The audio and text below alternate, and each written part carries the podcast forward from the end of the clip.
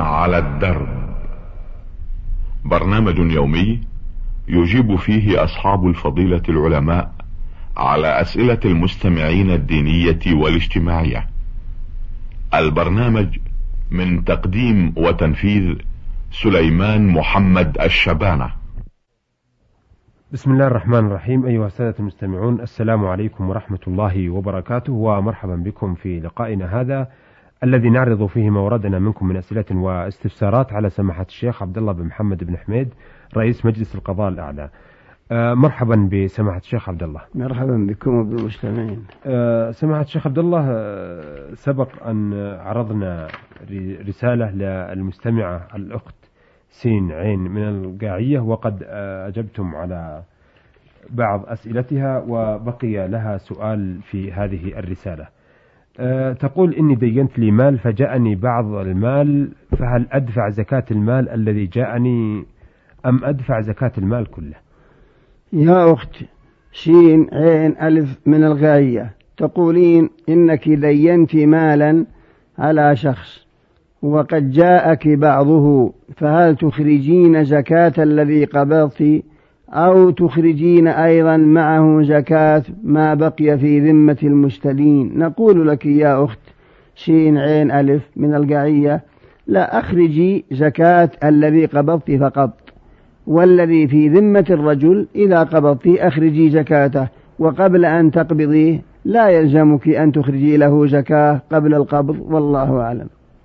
آه، ربما تسأل يا سماحة الشيخ فتقول هل آه، أدفع زكاة السنوات آه، كلها أو أدفع سنة واحدة إذا استلمت المال هذا لم يأتي في سؤالها نعم لكن لا بأس إذا نعم. كان المال عند غني باذل فتخرج زكاة السنوات الماضية كلها وإذا كان الدين عند رجل فقير أو عند غني مماطل يحتاج إلى شكوى فهذا لا تخرج إلا زكاة زكاة سنة واحدة كما قرر ابن تيمية وغيره. هذا هو الفارق بين الأمرين والله أعلم. أثابكم الله. تقول فيه امرأة كانت ترى في منامها دائما أنها تريد أن تتوضأ للصلاة فلم تجد الماء أو تشرب فلم تجد الماء وإن وجدت وجدته قليلا لا يكفيها. فما يدل على ذلك؟ يا أخت شين عين ألف من القاعية تقولين إنك إن امرأة ترى في منامها أنها تريد أن تتوضأ فلم تجد ماء وتارة تريد أن تشرب فلم تجد إلا ماء قليلا. نقول لك يا أخت هذه المرائي قد تكون حق وقد تكون أضغاث أحلام. ليس كل رؤيا مسلمة وأنها مقبولة وصحيحة قد تكون صحيحة وقد لا تكون. لكن في الجملة أن الوضوء طاعة وأن من توضأ في النوم دل على حسن حاله وصلاحه ومن لم يتوضأ بأن طلب الوضوء ولم يجد ماء أو توضأ ولم يكمل الوضوء فهذا فيه صفة نقص. عنده صفة نقص وعنده شيء من المخالفات التي بسببها لم يتمكن من الوضوء أو من الشرب. هذا إن صدقت الرؤيا على ما قاله المعبرون والله أعلم. أه بين يدينا رسالة وردتنا من معهد النور بمنطقة أبها ومرسلها ميم دال ألف لام نون. يقول الرجاء عرض أسئلتي هذه على فضيلة الشيخ عبد الله بن محمد بن حميد. نعم نقول هذا الأسئلة تعرض على سماحته. السؤال يقول إنني أعمل من جائز موظفين بمعهد النور بمنطقة أبها. ونؤدي خلال اليوم ست حصص ثم نؤدي صلاة الظهر بعد الانتهاء من الحصة السادسة. ويتقدم بنا لأداء الصلاة أئمة منهم من يشرب الدخان ومنهم من يشرب الشيشة ومنهم من هو مخنفس أي مربي الشعور. فما رأي سماحتكم في تقدم هؤلاء الأئمة بنا؟ هل تجوز صلاة المأمومين وراء هؤلاء أم لا؟ أفيدون أثابكم الله. يا أخ ميم دال ألف نون تقول من معهد النور بأبها. تقول إنكم تدرسون في المعهد وتؤدون ست حصص. فإذا حضرت صلاة الظهر قمتم لأدائها لكن يتقدم من يصلي بكم إماما ممن هو يشرب الدخان أو يشرب الشيشة أو يخنفس. فهل تصح الصلاة خلفه؟ نقول لك يا أخ ميم دال نعم. الصلاة تصح لكن الأولى أن يتقدم من يصلي بكم من هو أقرأ لكتاب الله وأفقه وأدين. هذا هو الأولى. فإن النبي صلى الله عليه وسلم يقول يؤم القوم أقرأهم لكتاب الله. ومعنى الأقرأ هو الذي قرأ القرآن يعمل بما بمعانيه. لو كان يقرأ ولكنه يخالفه لا خير فيه.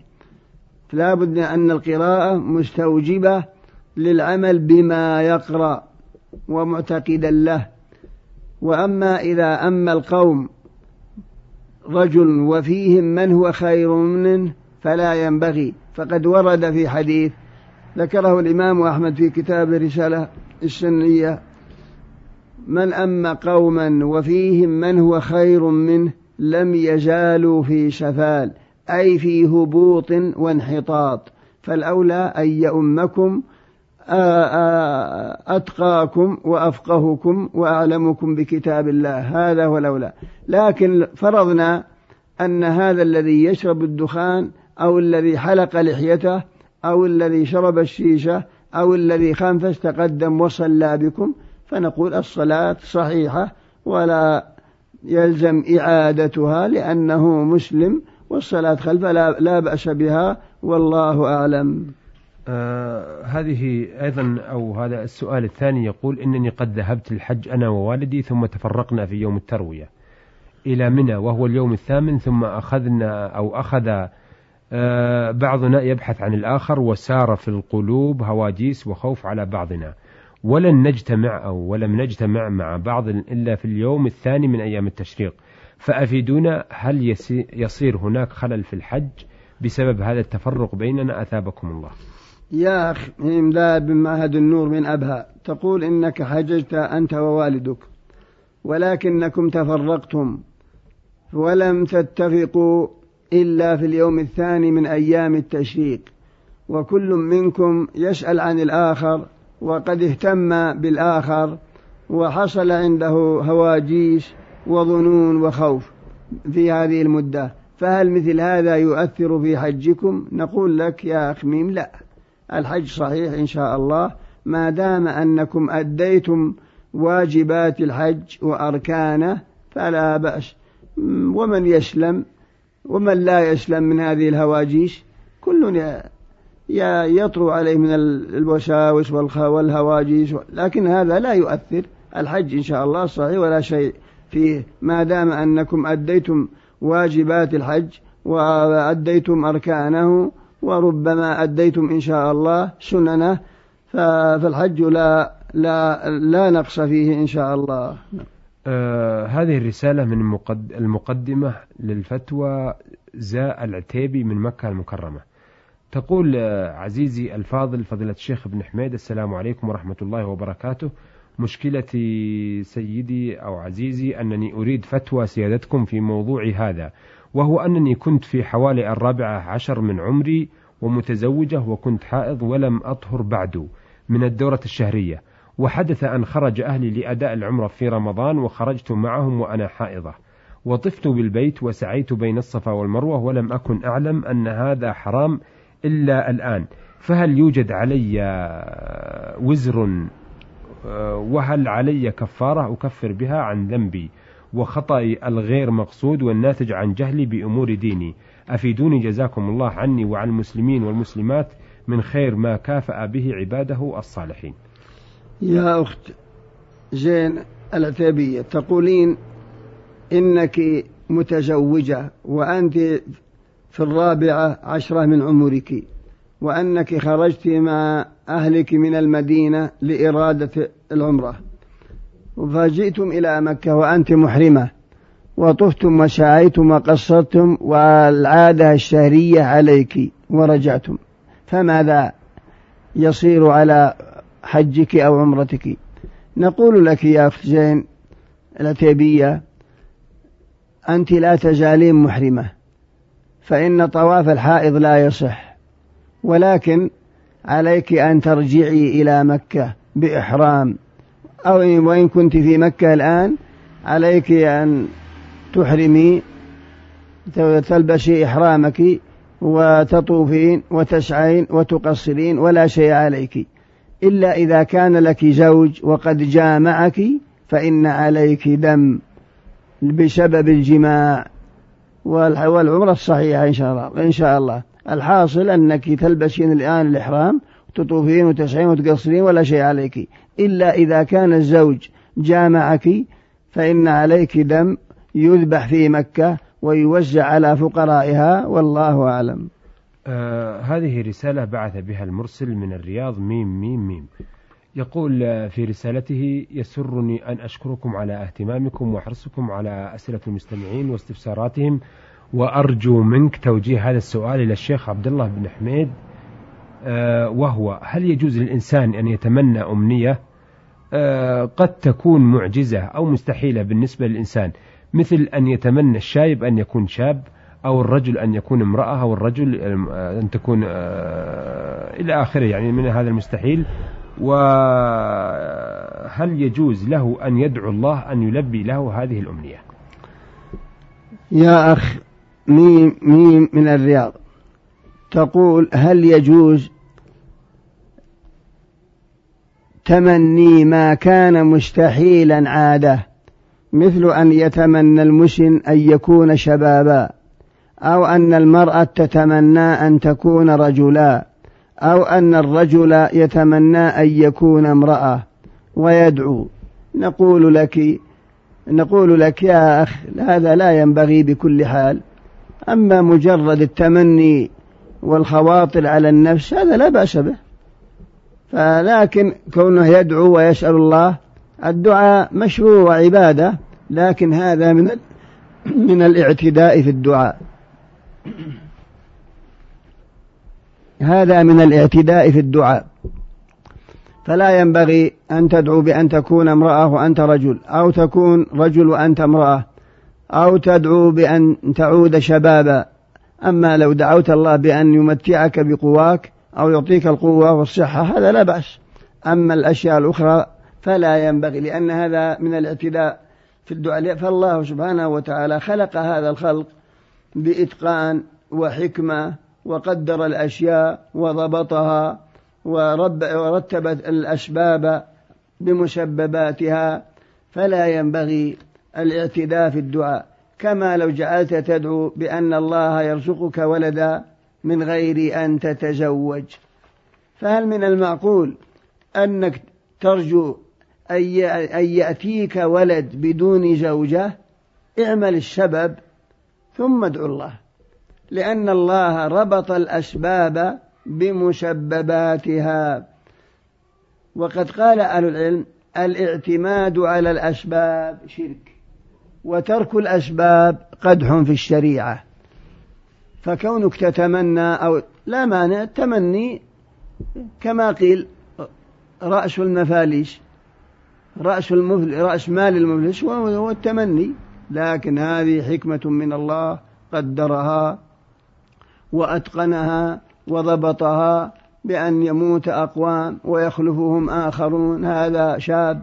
ثم يبلغ في السن ما بلغ ثم يكون شيخا ثم هرما ثم مآله إلى الموت إن لم يمت قبل ذلك.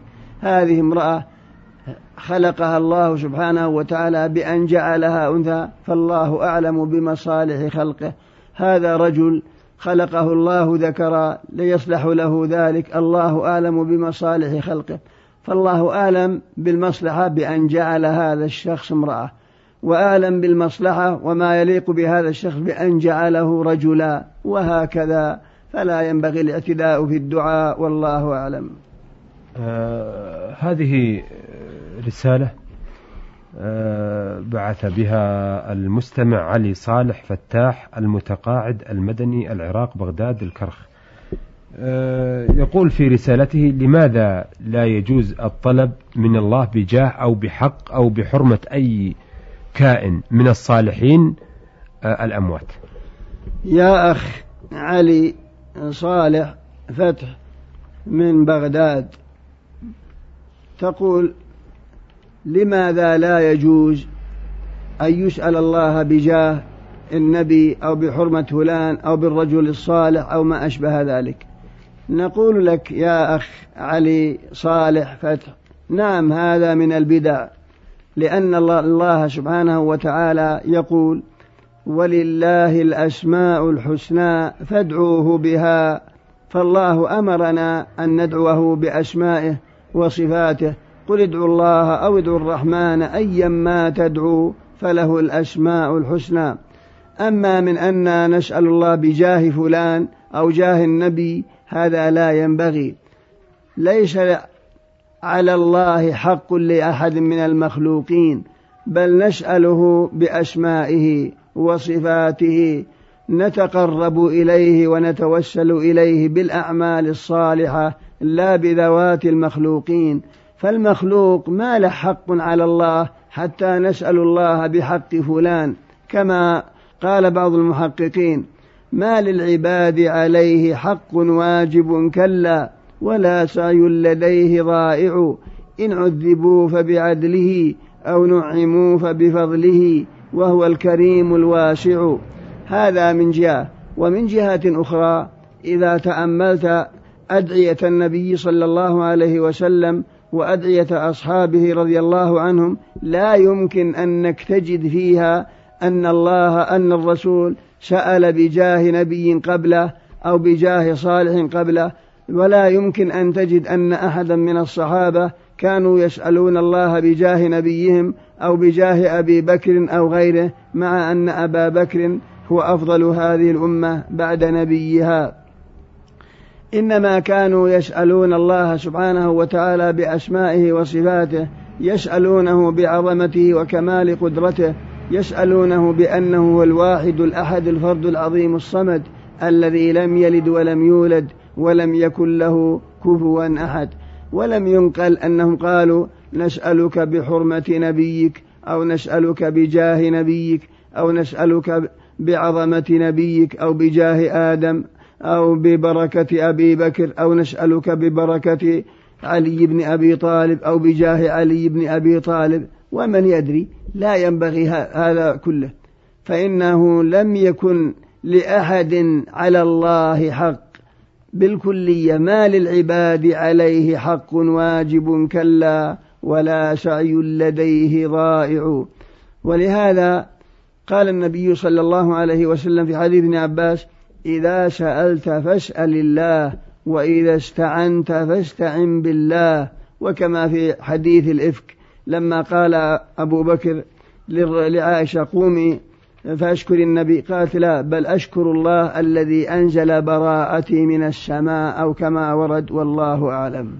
أحسنتم أثابكم الله. أيها السادة إلى هنا نأتي على نهاية لقائنا هذا. الذي استضفنا فيه سماحة الشيخ عبد الله بن محمد بن حميد رئيس مجلس القضاء الأعلى وقد أجاب على أسئلة السادة. الأخت سين عين ألف من القاعية وتسأل عن الزكاة وميم دال ألف لام من نون من معهد النور بمنطقة أبها ومقدمته للفتوى زاء العتيبي وتسأل عن الطواف بالبيت وهي حائض والمستمع ميم ميم ميم من الرياض ويسأل عن تمني ما كان مستحيلا عاده. وأخيرا رسالة علي صالح فتاح المتقاعد المدني من العراق بغداد الكرخ. شكرا لسماحة الشيخ عبد الله وشكرا لكم أيها الأخوة وإلى أن نلتقي بحضراتكم. نستودعكم الله والسلام عليكم ورحمة الله وبركاته. نور على الدرب. برنامج يومي يجيب فيه أصحاب الفضيلة العلماء على أسئلة المستمعين الدينية والاجتماعية. البرنامج من تقديم وتنفيذ سليمان محمد الشبانة.